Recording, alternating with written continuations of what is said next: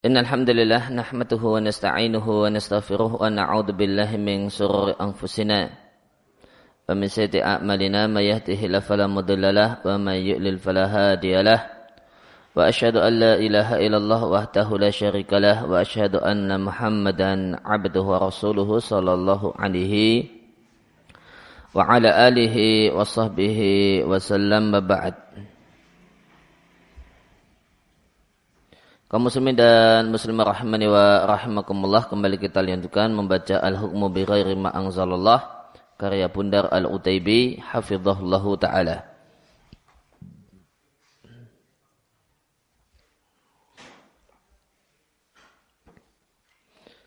Kita telah bahas uh, rincian yang ke-9 yaitu At-Tashri' Al-Am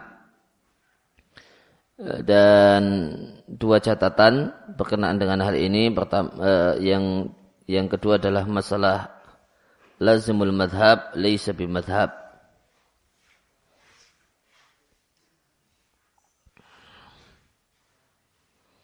Sebelum kita lanjutkan pada catatan yang ketiga berkenaan dengan perkataan Syekh Muhammad Ibn Abdul Wahab eh, wala nukafiru ila bima ajma'a alaihil ulama'u kulluhum dan kami tidaklah memberikan vonis kafir kecuali dalam perkara yang seluruh ulama menyepakatinya. Maka yang yang dimaksud dengan vonis kafir di sini adalah vonis kafir muayyan untuk person tertentu.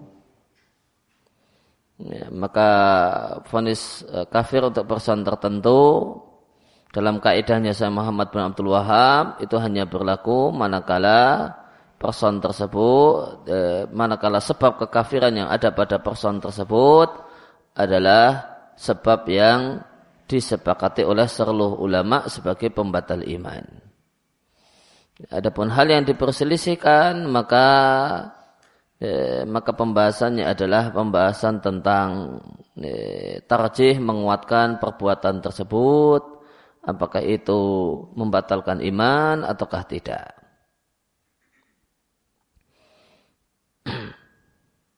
Namun di sini terdapat pengecualian kecuali jika orang itu hidup di satu tempat dan di tempat tersebut tidaklah dikenal dan tidaklah beredar pendapat kecuali satu pendapat saja. maka boleh ya, ada vonis kafir untuk person tertentu meskipun itu adalah satu hal yang tidak disepakati oleh ulama. Ya, maka di satu daerah, satu tempat, di sana tidaklah dikenal ya, status tarikus sholah, orang yang tidak sholat kecuali kafir. Bahkan orang awamnya pun itu yang diketahui. Ya, tidak mengenal adanya pendapat yang lain dan tidak beredar pendapat yang lain. Maka eh, di tempat semacam ini ya, boleh memberikan vonis kafir dengan perkara eh, dalam perkara yang sebenarnya diperselisihkan di antara di antara para ulama.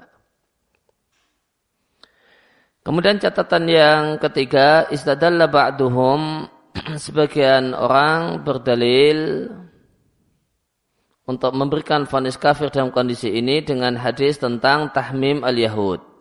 Tentang tindakan orang Yahudi yang mencoret-coret muka dengan arang orang yang berzina sebagai hukuman pengganti rajam. Fa'angzalallahu ta'ala fihim lalu Allah turunkan ayat berkenaan dengan tindakan orang Yahudi tersebut. Hadisnya ada dalam Sahih Muslim yaitu firman Allah Subhanahu wa taala, "Ya ya Rasulullah yahzunkal ladzina yusari'una fil kufri." Wahai Rasul, janganlah uh, janganlah membuatmu sedih orang-orang yang bersegera pada kekafiran. Sampai firman Allah, "In utitum hadza fakhudhuhu." Jika kalian diberi ini maka ambillah. Dan turunlah firman Allah Ta'ala wa malam yahkum bima anzalallah faulaika humul kafirun faulaika humul zalimun faulaika humul fasikun. Fayara maka ba'duhum sebagai orang tadi berpandangan anaula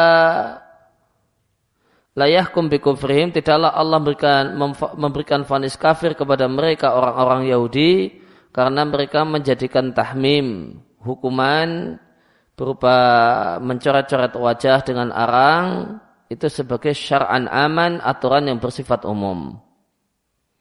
Namun pendalilan ini adalah tertolak karena orang Yahudi yang kekafiran mereka ingin digunakan sebagai dalil kekafir, uh, dalam masalah tasyri'am qad kafaru birai tasyri' al-maz'um maka mereka telah kafir tanpa tasyri' tersebut tasyri'am yang diklaim dan dianggap tadi. Wa bayanu dzalika wajahain dan penjelasannya ada dua sisi. Mereka anah mereka orang Yahudi mengingkari hukum Allah bagi orang yang melakukan zina muhsan sebagaimana ditegaskan oleh sejumlah riwayat hadis yaitu hadis tatkala Nabi Shallallahu alaihi wasallam bertanya kepada mereka apa yang kalian jumpai dalam Taurat eh, kalian tidak jumpai hukum rajam dalam Taurat mereka mengatakan kami tidak jumpai sedikit pun fiha dalam Taurat syai'an sedikit pun tentang masalah rajam. Riat Bukhari. Dan tatkala qara'a qari'uhum ya, pembaca Taurat dari kalangan orang Yahudi membacakan Taurat dia letakkan tangannya menutupi ayat rajam. Dia baca ayat sebelumnya dan ayat setelahnya maka mereka mengingkari hukum Allah untuk rajam dan mereka katakan tidak ada hukum rajam di Taurat wahadal ingkar dan pengingkaran ini adalah bentuk juhud bentuk juhud. Mereka mengingkari secara lahiriah. Sedangkan mengakui adanya hukum Taurat berupa jam di batinnya, di hatinya. Ini, buktinya mereka uh, ayat rajam dia tutupi. Berarti dia ngerti dengan hatinya. Lalu mengatakan tidak ada di Taurat, itu berarti lahiriah. Maka ini juhud. Pengingkaran secara lahiriah, non pengakuan di dalam hati. Allah ditaqaddam takrul ittifaq dan ini uh, dan juhud adalah satu hal yang disepakati oleh para ulama sebagai kufur akbar secara lahiriah menolak hukum Allah meskipun di dalam hati mengakui hukum Allah. Kemudian mereka orang Yahudi telah kafir karena melakukan tabdil, mengganti hukum Allah dalam masalah pezina muhsan. Tatkala Nabi Shallallahu Alaihi Wasallam bertanya kepada mereka, apa yang kalian jumpai dalam Taurat? Dengan bahasa lain, apa hukum Allah tentang uh, rajmi tentang masalah rajam bagi pezina? Apa hukum Allah yang Nabi tanyakan? Maka mereka jawab, hukum Allah tentang masalah zina adalah nufaddihuhum wa, wa yujladuna.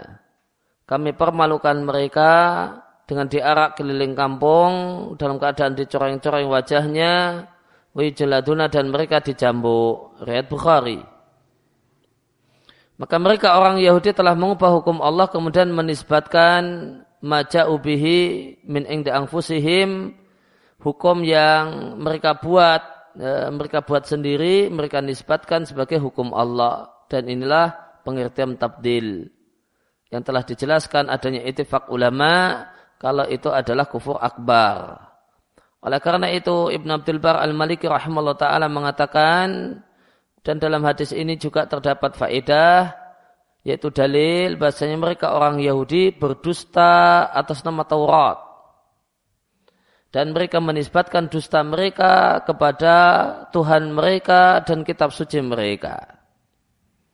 Nah, maka itulah tabdil berdusta kemudian dalam masalah hukum kemudian dinisbatkan kepada Allah Subhanahu wa taala. Wa Ali berdasarkan orang yang di atas maka tidak sah berdalil dengan kisah ini alat takfir untuk sebagai dalil adanya vonis kafir karena tasyri' al-am. Karena orang Yahudi mereka terjemus dalam dua keadaan yang ulama ahlu sunnah sepakat ya, akan kafirnya dan batal imannya man talabasa orang yang terjumus salah satu dari keduanya. Fadlan lebih-lebih jika terjumus dalam dua-duanya. Oleh karena itu menegaskan bahasa kekafiran orang Yahudi hanyalah karena tasyri' al-am adalah satu hal yang memerlukan dalil yang lain. Kemudian mengkaitkan kekafiran orang Yahudi dengan perkara yang sangat dohir, sangat jelas, yang ada dan dijumpai dalam sejumlah riwayat. Ditambah ulama pun sepakat akan adanya kekafiran, adanya uh, sepakat atas batalnya iman karenanya, yaitu juhud atau tabdil atau dua-duanya mujtami aini sekaligus, lebih utama daripada mengkaitkan kekafiran orang Yahudi dengan masalah yang diperselisihkan yaitu tasyri al-am yang tidak ada dalil yang tegas alat takfir bihi untuk memberikan vonis kafir gara-gara tasyri al-am. Wala dalila ala anna kufral yahud ulliqa bihi dan tidak terdapat dalil yang menunjukkan bahasa kekafiran orang Yahudi itu dikaitkan dengan atasyri al-am. Kemudian uh, poin yang keempat, catatan yang keempat, kanat adalah Syekh Ibnu rahimallahu taala memiliki fatwa bitakfir bihadil halah. Adanya fonis kafir karena tasy' al-am illa akan tetapi anna roja'a anha. Menurut penulis Ibnu Taimin telah meralat pendapatnya dan penjelasannya adalah sebagai berikut. Al-Fatwa Al-Mutaqaddamah eh, fatwa yang terdahulu bagi Syekh Ibnu Thaimin. Beliau rahimahullah taala mengatakan Wamin haula dan di antara mereka ada orang yang membuat untuk masyarakat untuk rakyatnya tasyri'atin sejumlah aturan yang menyelisihi aturan Islam supaya aturan tersebut menjadi jalan yang manusia eh, berjalan di atasnya. Maka mereka-mereka ini tidaklah membuat aturan-aturan yang menyelisih aturan Islam kecuali mereka meyakini bahasanya aturan tersebut aslah, lebih maslahat, wa anfa dan lebih manfaat bagi manusia. It minal maklum karena satu hal yang maklum bidoroh akliyah eh, secara aksiomatis menurut akal wal jibillah al fitriyah dan telah menjadi fitrah setiap orang bahasanya seorang itu tidak akan berpaling dari satu jalan dari satu jalan hidup kemudian menuju jalan hidup yang lain yang menyelisihi jalan hidup yang pertama kecuali dia berkeyakinan fatla ma'adala ilaihi kelebihan yang ada pada pilihan yang kedua dan nakes dan tidak sempurnanya yang ditinggalkan. Demikian di Majmu' Fatawa beliau di jilid yang kedua. Kemudian beliau juga mengatakan di masih di Majmu' Fatawa li'anna hadal uh, musyari' tasri'an yukhaliful Islam. Karena orang yang menetapkan aturan Ya, boleh jadi dia adalah raja, boleh jadi dia anggota parlemen eh, dan seterusnya. Lianna hadal musyarik orang yang menetapkan tasyri'an satu aturan yang menyelisih Islam inna masyara'ahu tentu dia menetapkan aturan tersebut karena dia meyakini bahasanya aturan tadi aslah lebih maslahat dibandingkan Islam dan lebih manfaat lil ibad untuk rakyat untuk masyarakat dibandingkan aturan Islam. Ya, maka dalam uh, dalam fatwa ini terdapat tiga poin yang tidak boleh tidak atau bolaha patut untuk diperhatikan. Poin yang pertama, Sayyidina Thaymin istadalla berdalil ala kufril musyari kafirnya orang yang menetapkan aturan yang menyelisih aturan Islam beliau berdalil dengan lazim konsekuensinya. E, kalau dia bikin aturan e, bahasanya pencuri itu penjara, dia tinggalkan aturan Islam, pencuri itu potong tangan dengan syarat dan ketentuan berlaku konsekuensinya dia menganggap eh, konsekuensinya dia menganggap hukum penjara lebih baik daripada hukum potong tangan. Maka ini kufur bilazim. Fonis kafir dengan konsekuensi. Watakadam dan telah lewat. Bahasanya berdalil dengan semacam ini. Berdalil dengan konsekuensi dalam masalah takfir. Nadaron satu hal yang kurang tepat. Karena lazimul qaul laisa biqaul. Konsekuensi dari satu pendapat bukanlah pendapat kecuali jika dia dipaparkan kepadanya dan dia menerimanya. Dan ini adalah dan yang namanya e, lazim itu adalah satu hal yang e, tidak bersifat pasti. Bisa lazim menurut satu orang dan bisa tidak lazim menurut orang, orang lain. Lazim di sini bukan lazim bahasa Indonesia ya. Lazim dalam bahasa Indonesia artinya biasa, familiar. Nah, ini sudah lazim dalam dunia perdagangan artinya sudah biasa. Maka satu orang menilai ini berkonsekuensi demikian, orang lain menilai itu tidak berkonsekuensi demikian. Maka ini subuhat. Maka ini ketidakjelasan. Dan kaidah mengatakan al-hudud tudra'u bisyubuhat. Kaidah fikih yang disepakati oleh seluruh ulama fikih mengatakan bahasanya hukuman itu tercegah kalau perkaranya adalah mengandung unsur ketidakjelasan.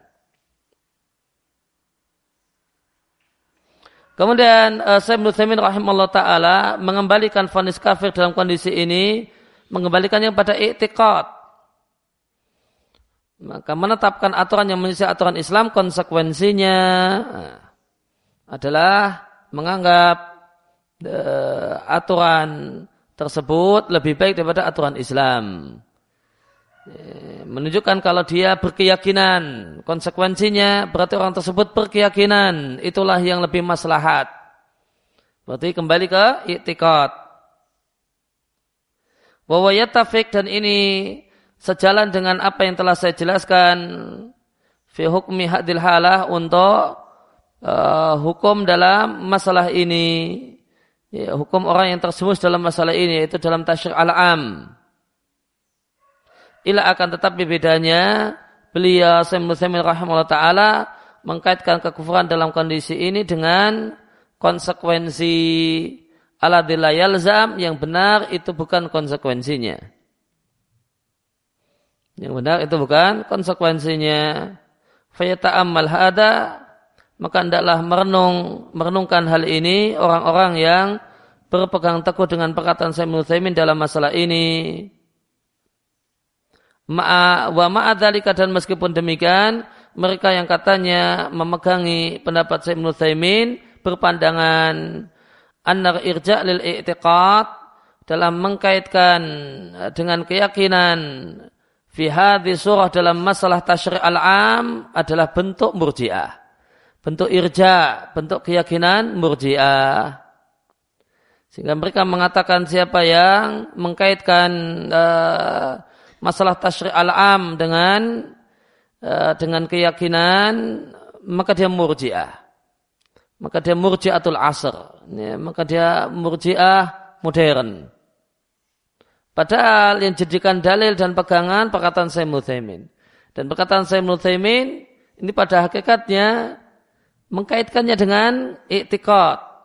Maka siapa yang menetapkan aturan yang menjadi aturan Allah, ini tidak akan terjadi. Orang yang menetapkan aturan yang menjadi aturan Allah, ini tidaklah terjadi kecuali dia meyakini. Bahasanya itulah yang lebih manfaat. Ya, berarti kaitannya dengan keyakinan.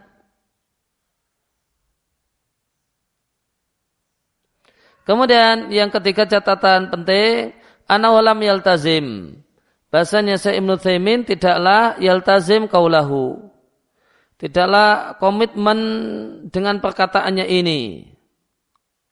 Dan beliau tidaklah menggunakan lam yastakmil at-takfir bilazim.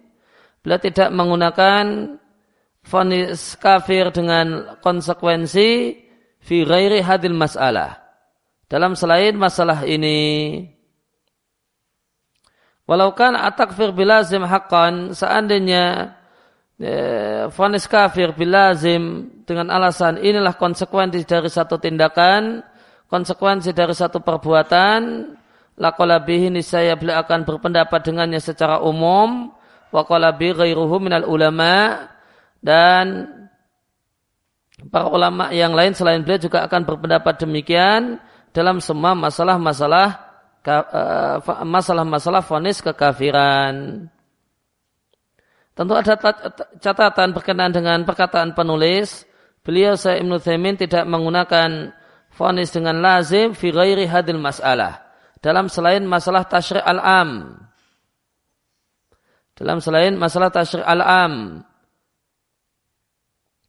Maka mungkin uh, satu hal yang patut kita cermati uh, materi tambahan yang pernah kita bacakan dari perkataan Syekh Ibnu Thaimin yang di sana ada vonis takfir gara-gara at-tarkhis al-am. Izin umum untuk ya, izin umum untuk muharramat. Ya, izin umum untuk al-muharramat yaitu khamar untuk kaum muslimin. Ya, maka ya, beliau di situ melakukan takfir bilazim. Ketika ada izin umum bagi kaum muslimin untuk minum khamar, maka konsekuensinya ini berarti istihlal. Ya meskipun itu dikembalikan kepada i'tikad. Konsekuensinya berarti ini penguasanya melakukan istihlal, menganggap halal, ya, menghalalkan uh, khamr dan ini adalah kekufuran akbar. Ya, maka beliau kemudian melakukan, saya Nusaimin juga melakukan takfir bilazim dalam masalah takhis al-am, izin yang bersifat umum, pemberian izin yang bersifat umum. Ya, apakah takhis al-am, pemberian izin bersifat umum itu bisa kita masukkan dalam tashri' al-am, penetapan aturan yang bersifat umum. Kalau kalau itu tergolong dalam tashri' al-am, ya berarti ya, benar apa yang dikatakan oleh penulis.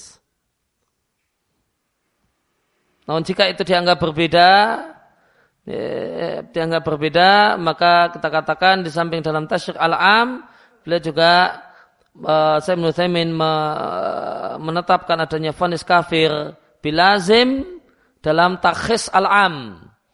Pemberian izin secara yang bersifat umum untuk sesuatu uh, sesuatu hal yang haram secara pasti dalam syariat. Kemudian fatwa yang belakangan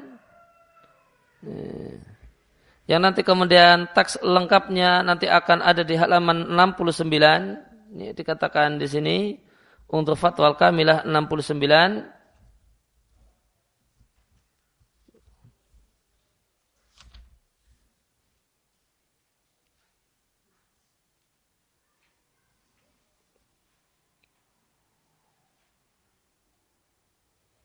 Jadi halaman 69 yang beliau janjikan juga tidak disebutkan tanggal fatwa dan dari mana kemudian ini ditetapkan bahasanya itu yang terakhir. Cuma ditetapkan, ditegaskan ini yang terakhir.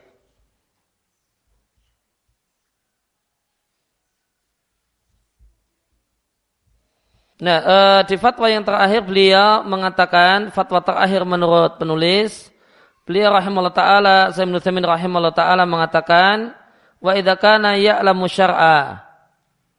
Jika seorang itu mengetahui syariat, akan tetapi dia menetapkan hukum bihada dengan hukum yang menyelisih syariat.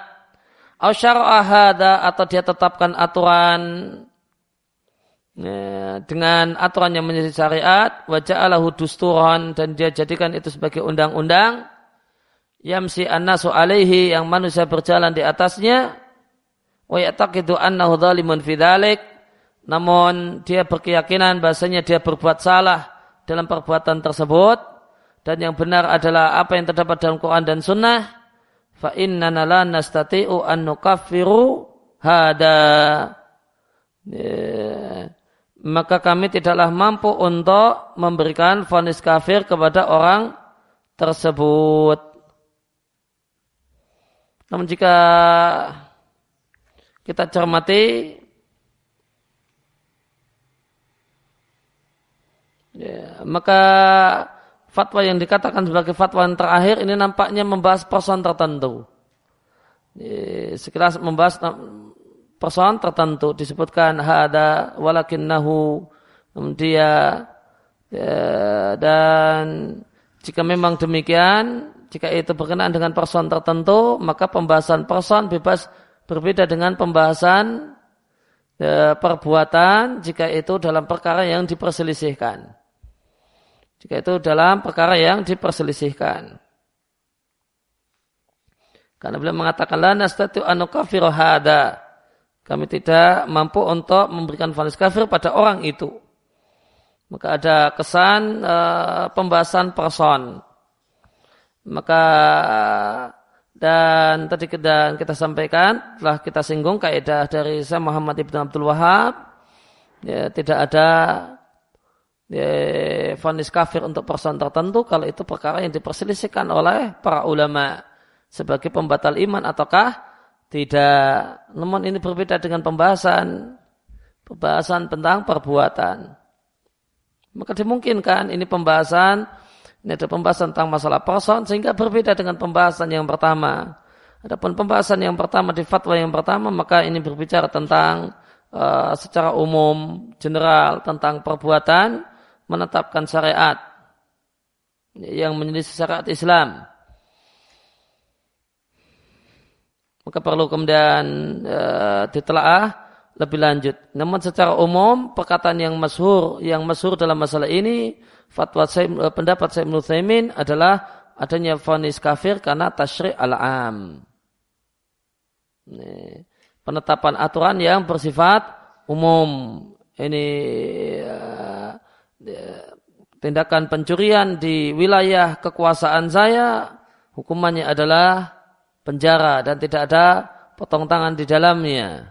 Tidak boleh ada yang menetap hukum potong tangan ini tashri' al-am. Contoh tashri' al-am.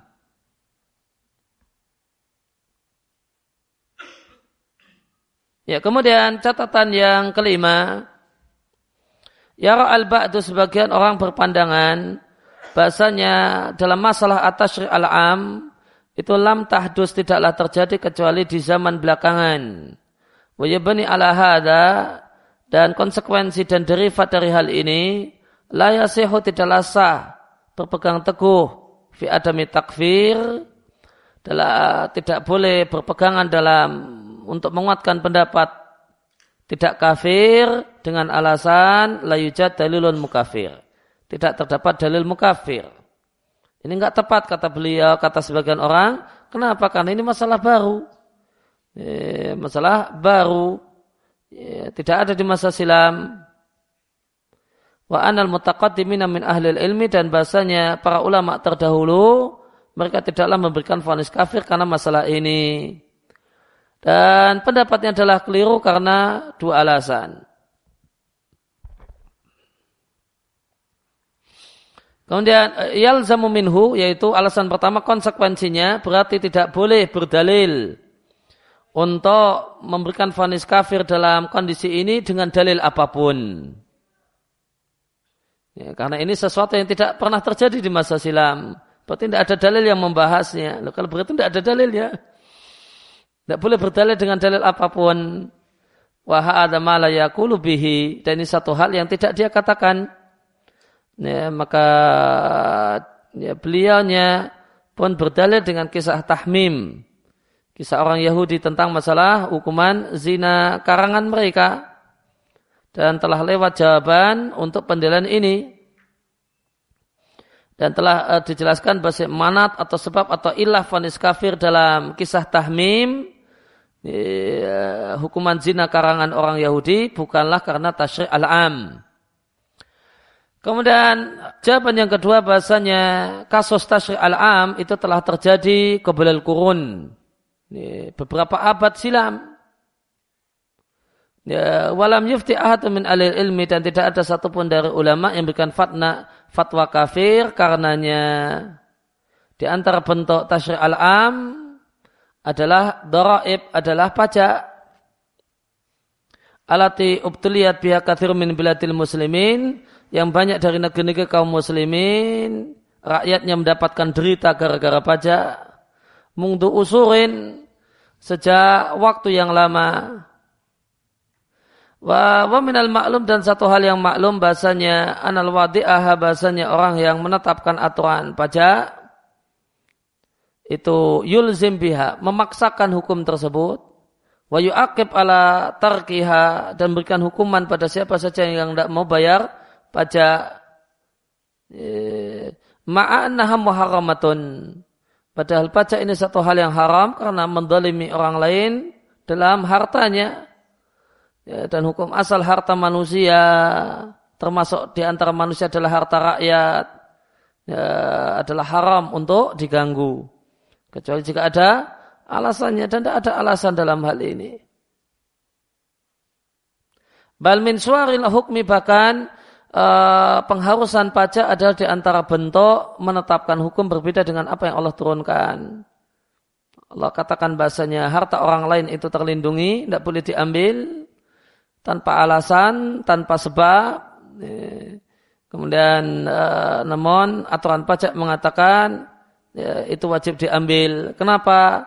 Karena Anda membuat bangunan, karena Anda punya tanah. Ya, maka Anda karena Anda punya tanah, maka Anda punya kewajiban bayar. Ya, sebabnya itu dan itu bukan sebab. Walau karena hadal fi'lu mukafiran, seandainya tasyri al-am semacam pajak yang bersifat umum, Ya, ini adalah satu hal yang membatalkan keimanan, membatalkan keislaman. Laqalabi ahlul ilmi tentu hal ini telah disampaikan oleh para ulama. Walakarau dan tentu mereka menetapkan bahasa tasyri al-am itu adalah kekafiran. Dan tentu mereka tidak akan diam ya, dari menjelaskannya.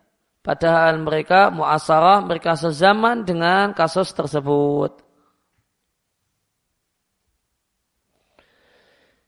Ya, ma'ana hadil halah meskipun kasus ini adalah min asyadil halati nizaan kasus yang paling sengit perselisihannya di antara para penuntut ilmu akan tapi ulama masa ini tiga ulama masa ini Ibnu Bas Al-Bani dan Ibnu Thaimin mereka sepakat tidak ada vonis kafir karenanya namun berkenaan dengan Ibnu Utsaimin maka ini perlu telah lebih lanjut.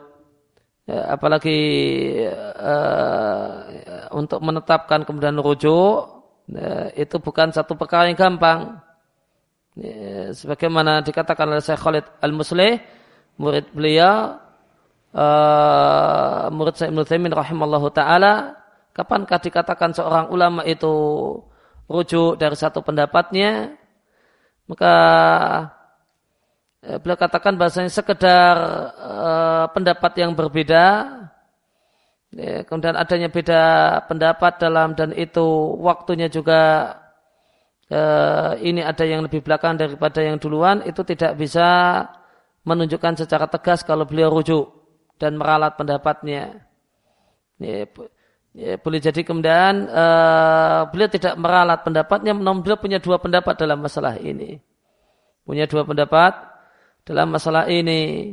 Kecuali kalau beliau dengan tegas mengatakan ya, bahasanya selain apa yang saya katakan maka itu adalah bukan bukan pendapat saya.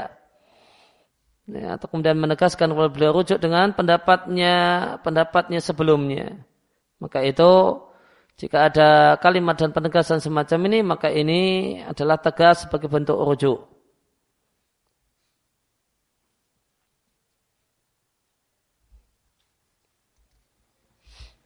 Maka untuk ma, uh, untuk kemudian apa beda kemudian takfirun dan khawarid masa ini dengan Sa'imnu Thaymin dalam masalah tashri' al-am? Penjelasan yang bagus. Uh, kita jumpai di Hakikatul Khawarid fi Syara' wa Abro Tarikh karya Faisal bin Qozar Al-Jazim kitab yang pernah kita baca di daurah Ramadan Eh, dan rekamannya pun ada di internet. Ya, beliau memberikan pembahasan yang uh, bagus tentang apa beda Khawarijul Asr dan Sayyid Ibn Thaymin dalam masalah tashri' al-am. Ya, ketika beliau penulis uh, Hakikatul Khawarij telah menegaskan bahasanya lemahnya pendapat uh, yang mengatakan uh, batal iman karena tashri' al-am beliau lemahkan terlebih dahulu, beliau jelaskan alasan ini pendapat yang tidak kuat. Yang ini sama dengan penulis uh, Al-Hukmu bi Angzalallah dan setelah itu beliau mengatakan penulis Hakikatul Khawarij di halaman yang ke-67 dan kitab ini Hakikatul Khawarij uh, Fishar wal Abratarih itu bisa di-download di situs resmi Syekh Faisal Al-Jazim dan beliau adalah min ulama ul Kuwait ya, beliau punya situs resmi dan ya, uh, kitab ini bisa di-download di sana. Di halaman 67 beliau katakan walayakni dan bukanlah bermakna keterangan yang saya sampaikan ini tidaklah bermakna meniadakan adanya ulama yang memberikan fatwa bil kufri bima kana fima idza kana al hukm bi Allah tasyri'an aman. Penjelasan di atas tidak berarti meniadakan adanya ulama ahlu sunnah yang mengatakan batalnya iman karena tasyri' al-am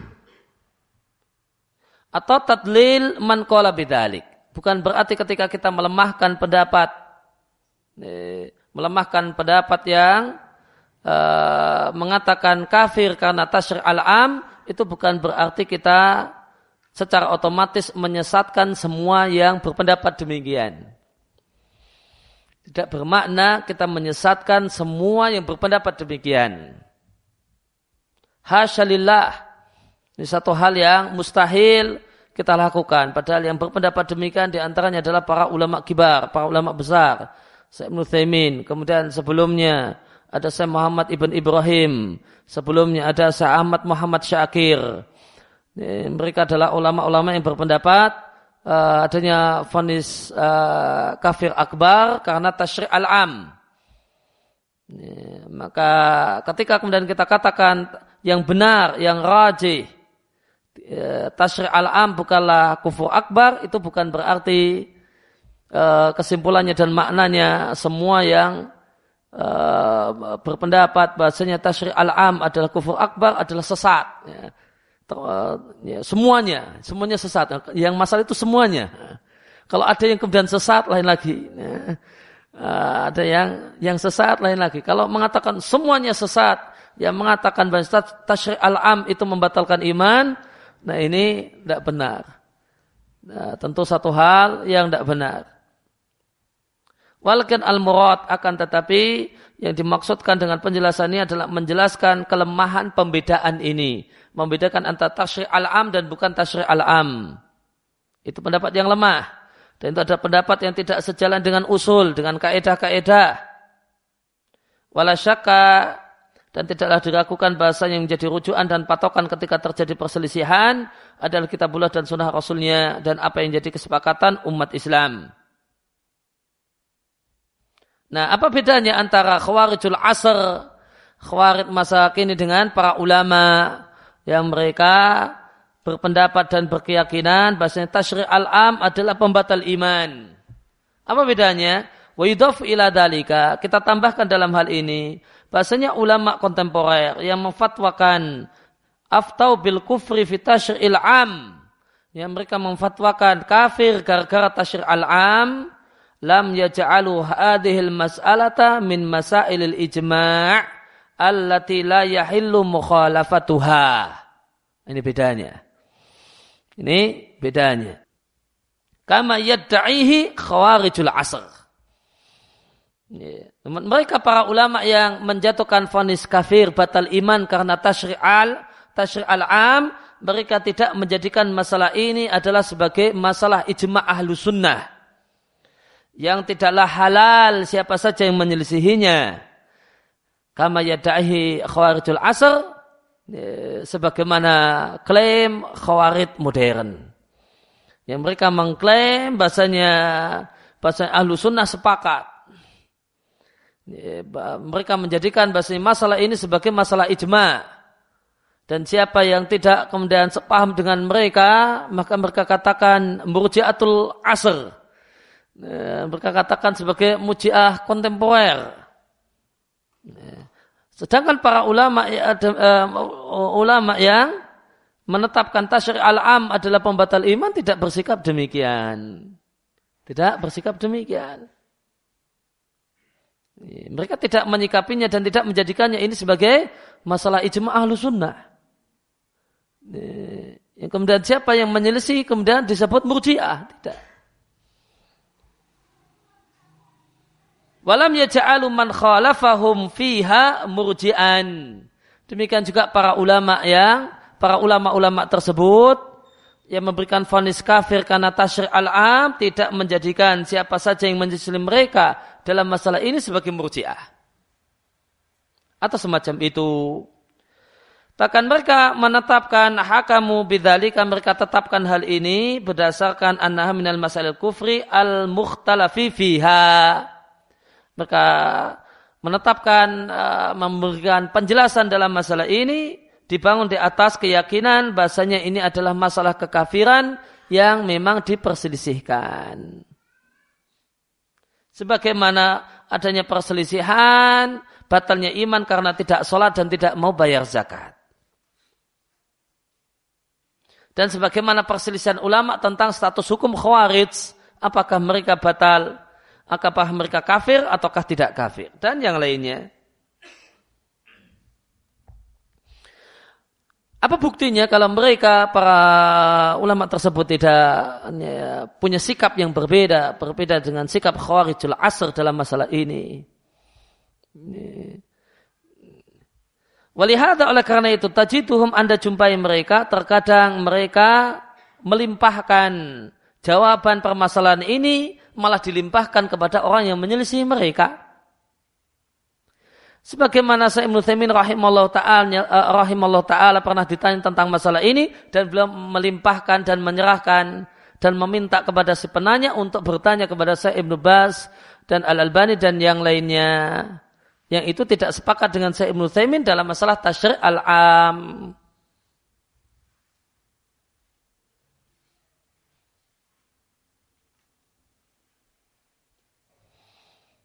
Ya, di catatan kaki di buku ini dikatakan itu visual yang dalam satu pertanyaan yang ditujukan kepada Syekh Ibnu Thaimin yang pertanyaan tersebut tercantum dalam majalah Al-Furqan Al-Kuwaitiyah, majalah Al-Furqan terbitan Iya Uturas Kuwait. Maka beliau ditanya tentang masalah tasyri' al-am oleh pembaca Al-Furqan majalah Iya Utros Kuwait. Ya, kemudian jawaban saya Ibnu Thaimin ta, uh, tanyakan hal ini kepada saya Ibnu Bas, tanyakan pada hal ini kepada Sa'al Albani.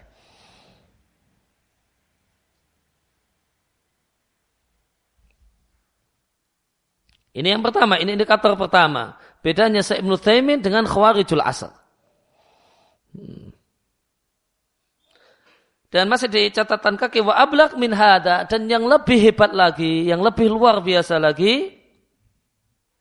Ana Sayyid Nuthaimin rahimallahu taala bahasanya Sayyid Nuthaimin rahimallahu taala qad syaraha risalah Syekh Al-Albani fi hadal bab. Bahasanya Sayyid Nuthaimin mensarah e, risalah atau buku tipis karya Al-Albani yang berisi uh, fi hadzal bab dalam masalah ini.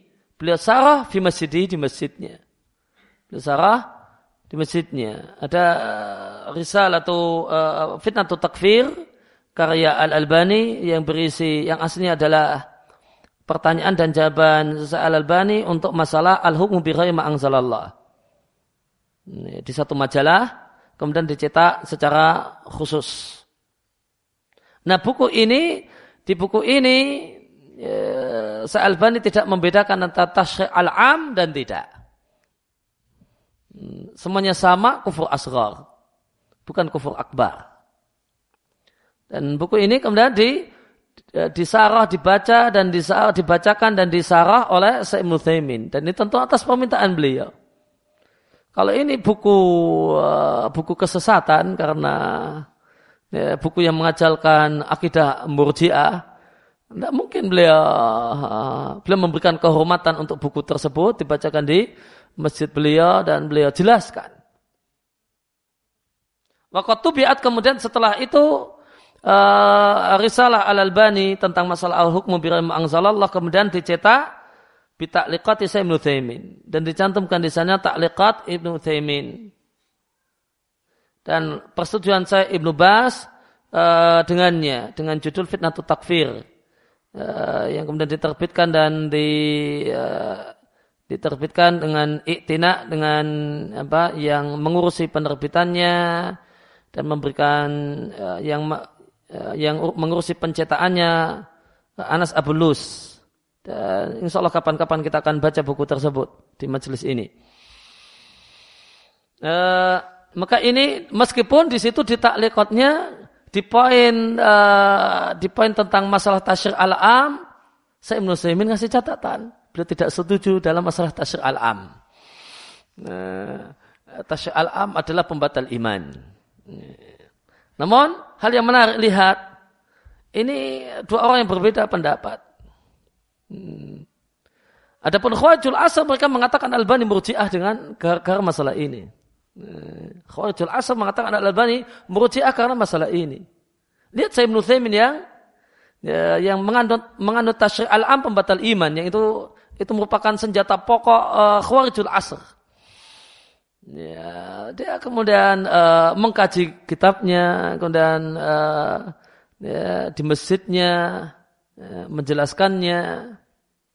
Ya, maka ini kali ini menunjukkan bahasanya bukan masalah Oh, masalah besar yang masalah ya masalah yang gawat yang kemudian perbedaan dalam masalah ini tidak dinilai sebagai ya, masalah yang besar dan gawat. Seandainya itu masalah besar gawat dan ini menyelisih ijma ahli sunnah dan seterusnya dan ini adalah akidah murjiah tentu bukunya Al-Albani tidak layak untuk mendapatkan penghormatan semacam itu. Ini kan yang kedua. Kemudian yang ketiga Walihata oleh karena itu, tajitu anda jumpai Sayyid Ibn Taimin rahimahullah ta'ala yu'abbir an ikhtiyarihi fi hadil mas'alah. Ya, beliau mengungkapkan an ikhtiyarihi uh, pendapat yang beliau pilih dalam masalah ini, dalam masalah tasyir al-am, itu beliau menggunakan ungkapan walladhi yadharuli yang nampak kuat menurutku. Walladhi yabduli yang nampak ya, kuat sebagai pendapat yang kuat menurutku. Wanahu hadil ibarat dan ungkapan semacam itu. Sebagaimana kita jumpai di takliqat Sa'im Nusaymin untuk risalahnya Al-Albani. Beliau menggunakan ungkapan semacam itu. Ya, ungkapan semacam itu. Walladhi yadharuli. Uh, walladhi yabduli. Ya, dan ungkapan sejenis itu. Wa kadhalika ghairuhu mimman wafaqahu. Demikian juga Uh, ulama-ulama uh, yang lain yang sependapat dengan dengan saya Ibnu dalam masalah ini. Wa hadhil ibarah la tuqalu fi masa fi masailil mujma' 'alaiha. Dan kalimat semacam ini dan kalimat semacam ini Allah ara aku berpendapat walladhi yadharu li walladhi yabtuli ini bukan bukan bahasa bahasa standar para ulama untuk masalah-masalah yang disepakati atau masalah-masalah usul i'tiqad, masalah-masalah pokok akidah ahlu sunnah yang disepakati oleh ya, yang disepakati oleh seluruh ulama ahlu sunnah. Mereka tidak menggunakan bahasa demikian. Non bahasa kalau itu satu hal yang disepakati, ya, maka mereka katakan bahasa Quran mengatakan demikian, hadis mengatakan demikian, dalam syariat Allah hukumnya adalah demikian, Allah di alih ahlu sunnah adalah demikian.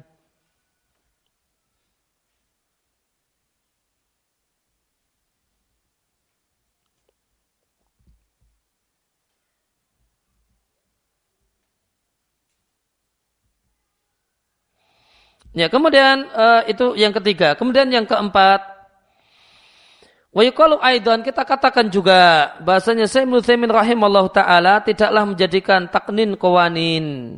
Masalah taknin yang menyelisih syariat eh, kekufuran semata-mata taknin. Semata-mata penetapan undang-undang. Walakinnahu akan tetapi Syekh Mutsaimin menjadikan penetapan undang-undang dan tasyri' al-am dalan sebagai indikator yang menunjukkan bahasanya si al-hakim itu tafdil lebih mengutamakan hukum tersebut eh, lebih mengutamakan hukum konon, hukum undang-undang yang berisi hukum manusia dibandingkan syariat.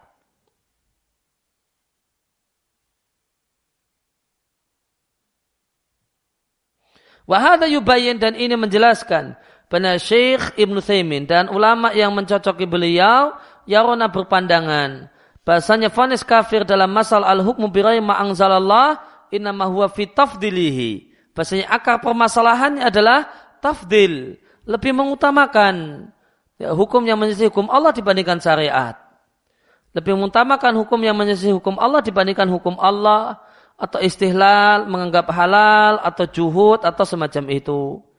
Dan ini ya, dan ini adalah adalah satu hal yang ditegaskan oleh ahlu sunnah. Ya, wabihada maka dengan ini yuk lama diketahui bahasa ulama ahlu sunnah kontemporer mereka mengambil dari sumber yang sama. Ya, dan ini berbeda dengan sumber pengambilan ya, ilmu yang ya, menjadi sumbernya ahlu zair wal hawa orang-orang yang ahlul hawa orang-orang yang menyimpang dalam hal ini adalah khawarijul asr. Karena mereka menjadikan perbuatan semata-mata menetapkan undang-undang taknin dan semata-mata tasyir al-am sebagai kufur akbar. Kalau saya menurut saya tidak. Itu sebagai indikator kufur akbar. Ya, artinya ini takfirnya takfir bilazim. Takfir karena konsekuensi. Menetapkan undang-undang yang menyelisih aturan Allah melakukan dan tasyir al-am hukum yang bersifat umum, memberlakukan hukum yang bersifat umum dan itu menyelisih hukum Allah, itu adalah indikator. Kalau orangnya menganggap hukum tersebut lebih baik daripada hukum Allah. Berbeda dengan khawarijul asr. Berbeda dengan khawarij uh, kontemporer yang menjadikan semata-mata taknin dan semata-mata tasyir al-am sebagai kufur akbar. Maka ini beda. Ini beda Ibnu Thaimin di satu sisi dan e, orang-orang e, yang mengaku berdalil dengan perkataan Syekh Ibnu Thaimin padahal dia tidak mengikuti jalannya Syekh Ibnu Thaimin dalam masalah ini.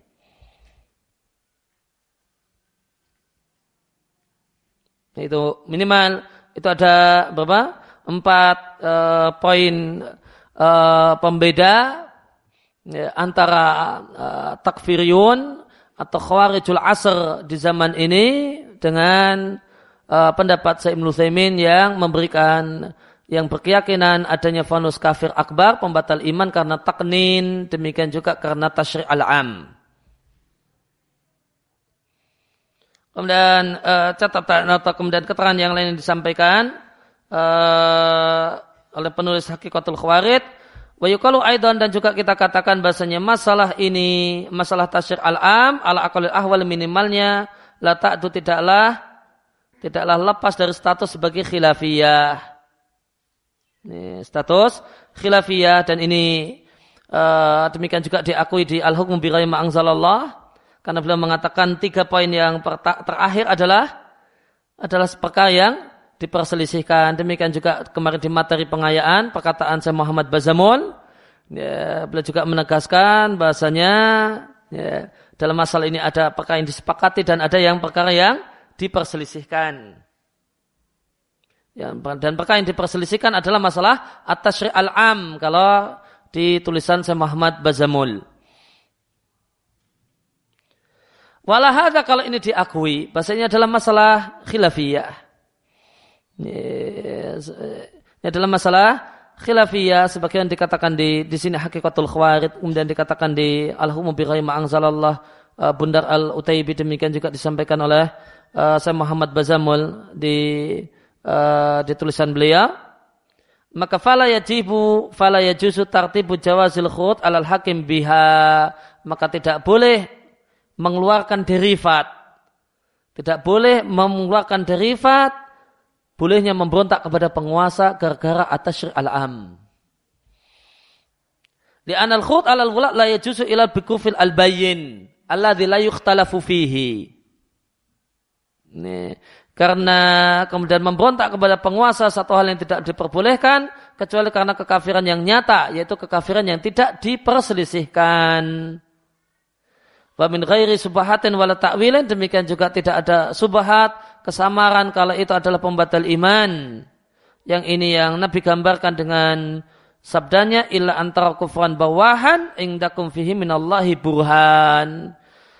Kecuali jika kalian melihat kekufuran yang nyata yang kalian punya bukti nyata di sisi Allah Subhanahu wa taala itu sebagai sebuah kekafiran.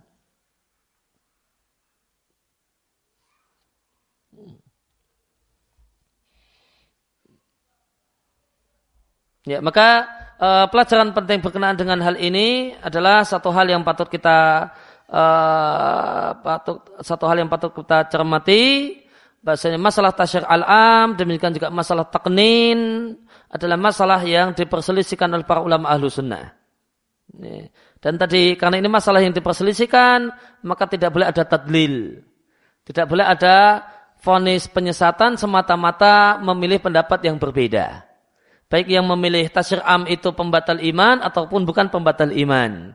Tidak boleh karena itu karena yang kemudian tidak memilih uh, yang tidak yang memilih tidak batal iman kemudian disebut murjiatul asr semata-mata karena itu disebut murjiatul asr atau semata-mata karena ini kemudian di, disebut dengan yang memilih itu batal iman kemudian disebut khawarij maka karena semata-mata ini maka itu tidak boleh. Itu satu hal yang tidak boleh. Kalau semata-mata karena otasir al-am pembatal iman kemudian khawarid itu satu hal yang tidak boleh.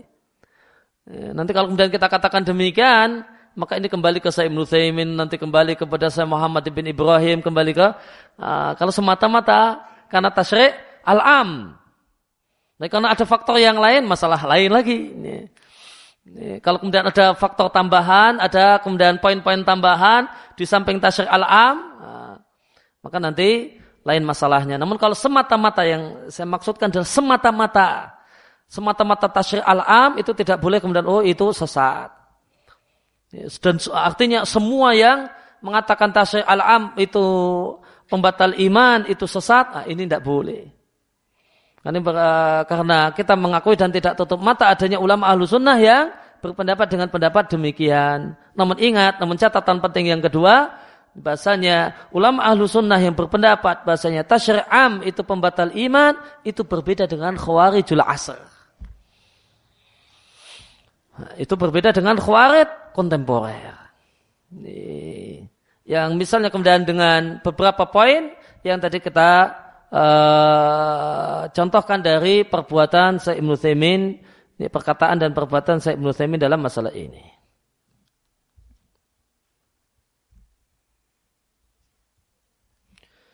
Ya, kemudian uh, kita lanjutkan ke halaman 38 kembali ke al-hukmu bi anzalallah. Mabahas yang ketiga fusulun mutammimah beberapa fasal pelengkap dan ada delapan fasal. Fasal yang pertama kesimpulan atau ringkasan pembicaraan tentang masalah al-hukmu al-hukmu bi anzalallah menetapkan hukum berbeda dengan apa yang Allah turunkan. Kesimpulannya bahasanya orang yang menetapkan hukum menyelisih apa yang Allah turunkan tidaklah kafir dengan kafir akbar yang membatalkan iman kecuali jika dia secara belak-belakan menegaskan ya, boleh jadi dengan tulisan ataupun dengan perkataan kalau dia membolehkan hal tersebut. Ataukah karena dia memiliki juhud penentangan secara lahiriah meskipun sebenarnya ya, di hati itu mengakui kebenaran syariat. Atau bahkan takzib yang lebih jelek lagi mendustakan hukum Allah atau tafdil menganggap bahasanya hukum yang menjadi hukum Allah itu lebih baik atau sama. Ya, atau lebih jelek namun boleh. Kalau lebih jelek namun boleh itu babnya namanya istihlal. Ya, dia berkeyakinan bahasanya hukum yang menjadi hukum Allah itu lebih jelek namun boleh dan sah dipakai itu istihlal Eh, kalau ini tafdil menganggap bahasanya hukum tersebut hukumnya hukum Allah lebih baik atau kemudian sama derajatnya, sama levelnya dan sama kualitasnya. Demikian juga kecuali jika dia menisbatkan uh, hukum buatan dan karangan dia kepada agama Allah yang ini disebut dengan tafdil. Atau kemudian atau dia membuat taknin atau dia menetapkan undang-undang yang isinya adalah hukum yang menyelisih hukum yang Allah turunkan dan dia meyakini di dalam hatinya al-haqiyah fidalika e, berhaknya bahasanya yang lebih berat untuk jadikan undang-undang mengatur hidup semua masyarakat adalah aturan manusia. Asyara'a atau dia menetapkan hukum yang menyelisih menyelisih hukum Allah dan dia meyakini ahak ya tatasyri bahasanya dia punya hak untuk menetapkan hukum selain Allah Subhanahu wa taala maka hal-hal ini satu hal yang tidak ada perselisihan di dalamnya bahasanya itu satu hal yang membatalkan iman Ataupun jika masalah taknin, demikian juga masalah tasyir al-am yang tidak diri dengan iktikad, maka itu termasuk dalam poin setelahnya. Adapun ma'ada dalika adapun selain itu, maka itu kufur asgar yang tidak mengeluarkan dari Islam dan statusnya adalah termasuk dosa besar. Dan siapa yang berkata dengan selain pendapat ini, maka menurut penulis, maka dia tidaklah mendatangkan uh, alam makola ya, dia tidaklah bisa mendatangkan untuk menguatkan apa yang dia katakan dalil yang sahih dan sharih.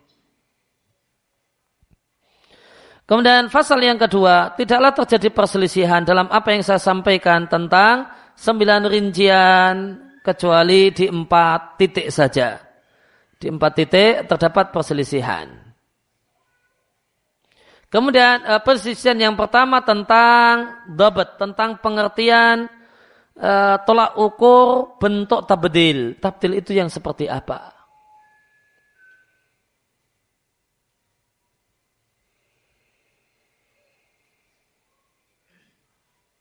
Wasab dan yang benar annaulai kunu mubaddilan tidak ada tabdil kecuali jika dia soroha belak-belakan dengan tegas menisbatkan hukum yang dia, dia tetapkan di lidin, dia tetapkan sebagai Islam dan ajaran Islam. Kemudian fonis untuk sebagian uh, kasus istibdal atau bahasa yang lainnya adalah kemarin apa? At-taryir, mengubah hukum Allah. Fakat khalafa al-ba'du maka sebagian ulama berpandangan uh, uh, fakat khalafa al-ba'du maka sebagian ulama menyelisih apa yang ada di buku ini. Yaitu sebagian ulama berpendapat kafirnya orang yang mengganti syariat manakala seluruhnya.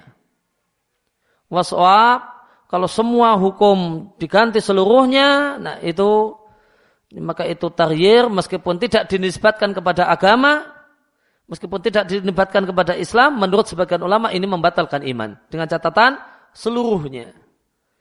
Waswab dan yang benar tidak ada dalil untuk vonis kafir karena hal ini. Kemudian juga kemudian berkena ada uh, kemudian al hukmu kemudian hukum untuk rincian yang kedelapan yaitu masalah taknin. Fakat khalafa al maka sebagian ulama menyelisih apa yang dijelaskan di buku ini. Wa addaha dan sebagian ulama menilai bahasa masalah taknin termasuk kufur akbar yang berpendapat demikian adalah Sa'ib Nuthaimin demikian juga sebelumnya Syekh Muhammad bin Ibrahim Demikian juga uh, dan demikian juga Syekh Ahmad Muhammad Syakir. Wasawab dan yang benar tidak ada dalil yang kuat untuk memberikan vonis kafir karenanya. Kemudian uh, yang keempat adalah hukum untuk keadaan atau rincian yang kesembilan yaitu tasyir al-am. Fakat khalafa al-ba'tu maka sebagian ulama menyelisihi ya, pendapat yang ada dalam buku ini dan menilai bahasanya atasyir al-am adalah al-mukafirah, al-kufra al-akbar adalah satu hal yang membatalkan iman.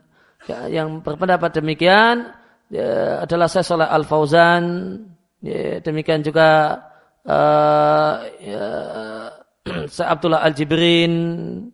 Ya, kemudian uh, saya Ibn Thaymin minimal di salah satu dari dua kaulnya. Kemudian saya Muhammad bin Ibrahim. Demikian juga uh, saya Ahmad Muhammad Syakir. Wasawab pendapat yang benar yang tepat dan ini adalah pendapat uh, ini adalah pendapat Al Albani demikian juga pendapat Sa'im Nubas dan beliau punya punya rekaman kaset yang sangat lugas. Dalam masalah ini bahasanya ini tidak sampai kepada kufur akbar. Waswab dan yang benar tidak ada dalil untuk vonis uh, kufur akbar karena tasyri al-am. Dan Ibnu Bas punya satu rekaman kaset khusus dan kemudian telah ditafrik, telah di tentang dialog dalam uh, dialog beliau dengan se, uh, dengan sejumlah ulama uh, dan penuntut ilmu, dialog beliau dengan Syekh Abdullah Al-Jibrin dan sebagainya tentang masalah atasyir al-am. Di sana bahasa lainnya saya Ibnu Bas itu dikeroyok ya, oleh beberapa orang yang kemudian uh, yang ingin ngotot bahasanya tasyir al-am itu pembatal iman. Non beliau tetap kokoh dengan uh, pendapat tersebut ya, sehingga ini adalah perkataan beliau sangat jelas uh, tentang uh, masalah ini. Mungkin di pekan depan kita akan baca perkataan saya belum bahas dalam masalah ini yang biasa disebut dengan dum'ah baziyah. Dum'ah baziyah itu ada tafriknya di internet nanti kita akan uh, insya Allah di pertemuan yang akan datang kita baca hal, hal tersebut. Yeah. Satu uh, kaset judulnya ini aslinya kaset direkam pakai kaset dikasih judul Dum'ah Baziyah air mata Sebin Bas. Yeah. Namun di itu kan tentu kaset ada seat A, seat B. Nah itu di uh, kemudian di seat B itu kemudian ada pembahasan panjang lebar. Beliau dikeroyok oleh banyak orang untuk kemudian tasyir alam itu pembatal iman, namun tetap kokoh itu tidak sampai derajat pembatal iman.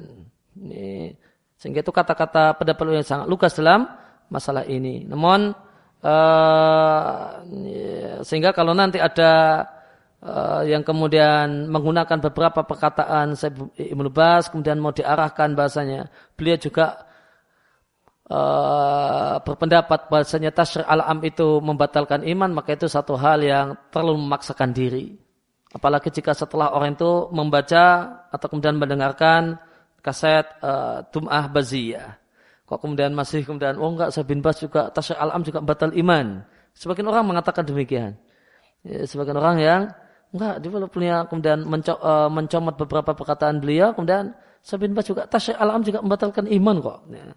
Ya.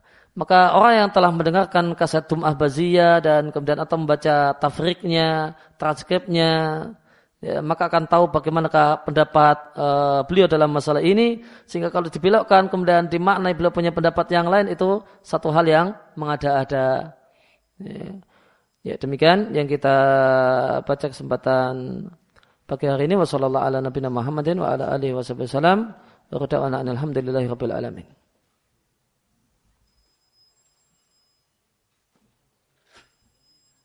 Uh, perbedaan tasri al-am dengan tabdil. Untuk tabdil itu tidak mesti itu uh, Tabdil itu boleh jadi bentuknya adalah kodok. Putusan hakim dalam satu kasus pengadilan. Yang dia kemudian dia putuskan hukumnya demikian. Namun dia katakan bahwasanya ini adalah syariat. Ada satu kasus. Kasus satu pencurian misalnya. Ya, kasus pencurian kemudian dia beri hukum hukumnya adalah hukuman penjara dan dia sampaikan dan dia tegaskan kenapa dia tetapkan hukum seperti itu bahasanya inilah Islam. Ya. Maka itu ya, tabdil boleh jadi adalah kodok. Maka secara umum hukum al-hukmu birai ma'angzalallah itu bisa kita bagi menjadi uh, dua macam. Atau al-hukmu menetapkan hukum itu ada dua macam. Ada yang namanya kodok. Kodok itu putusan hakim dalam uh, peradilan hakim ada satu masalah sengketa dan sebagainya kemudian uh, kemudian diputuskan maka itu kodok namanya dan ada yang namanya tasyrik penetapan aturan yang dalam bahasa kita regulasi maka ada yang namanya al hukmu itu boleh jadi statusnya adalah kodok ataukah dia regulasi kemudian per, per, uh, ya, penetapan undang-undang itu dua-duanya dalam bahasa Arab disebut al hukmu Nah, maka dalam tabdil, maka tabdil itu boleh jadi adalah tasyir al-am ketika itu masuknya di ranah regulasi. Dan itu kemudian, namun manakala kemudian dinisbatkan sebagai Islam. Ini dinisbatkan kepada Islam dan kemudian diundang-undangkan secara umum. Namun boleh jadi tabdil itu adalah kodok.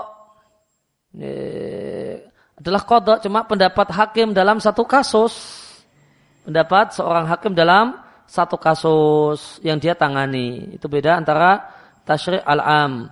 Maka tabdil itu uh, tidak mesti tasyri' al-am. Meskipun boleh jadi tabdil itu bisa jadi tasyri' al-am.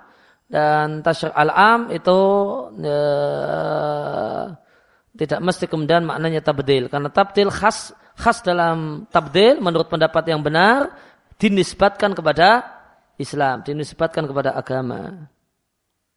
Menurut ulama yang menganggap al-am itu membatalkan iman, bagaimanakah pendapat mereka dengan penguasa zaman ini? Apakah sama sebagaimana keyakinan Khawarij? Ya, maka nanti uh, berkenaan, berkenaan dengan uh, vonis person, maka nanti kalau mengacu pada pendapat nah, penjelasan dan kaidah yang disampaikan oleh Muhammad bin Abdul Wahab, tidak ada vonis person untuk ya, perkara yang diperselisihkan. Maka tentu e, pembahasannya sekedar pembahasan e, pembahasan teoritis e, ataupun kemudian untuk ponis personnya maka tidak berlaku padanya, tidak ada padanya takfir muayyan. E, fonis untuk person menimbang kaidah e, saya Muhammad bin Abdul Wahab dalam masalah ini. Ya demikian Uh, sallallahu ala nabiyina Muhammadin wa ala alihi wasallam wa rada'ana alhamdulillahirabbil alamin subhanaka allahumma wa bihamdika asyhadu an la ilaha illa anta astaghfiruka wa atubu ilaik